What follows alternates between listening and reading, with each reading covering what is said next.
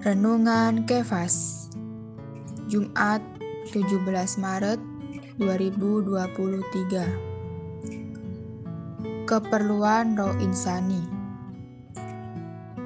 1 Timotius pasal 4 ayat 7 Tetapi jauhilah takayul dan dongeng nenek-nenek tua. Latilah dirimu beribadah Orang melakukan olahraga karena mereka telah mengenal bahwa keuntungan dari olahraga. Ketika mereka mengenal, maka mereka senantiasa melatih dirinya, senantiasa melakukannya. Roh kita perlu dibangkitkan untuk kepentingan Allah. Kita tidak seharusnya menunggu sampai yang lain membangkitkan roh kita. Sebaliknya, kita seharusnya membangkitkan roh kita melalui melatih roh kita.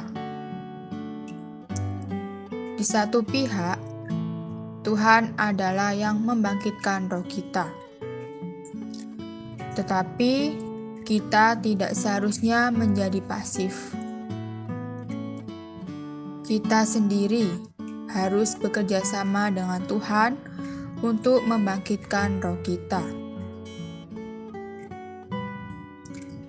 Lebih baik dalam menempuh hidup gereja, setiap orang beriman harusnya melatih roh. Dalam hidup gereja, Harusnya kita dapat melatih roh daripada banyak mengedarkan takayul dan dongeng-dongeng nenek-nenek tua. Ini juga suatu didorong Paulus kepada Timotius. Poin penting: satu, Manusia memiliki roh. Dua, Orang beriman senantiasa menjauhkan diri dari takayul. Tiga, Orang beriman menjauhkan diri dari dongeng nenek-nenek tua. 4. Orang beriman senantiasa melatih rohnya. Poin doa 1.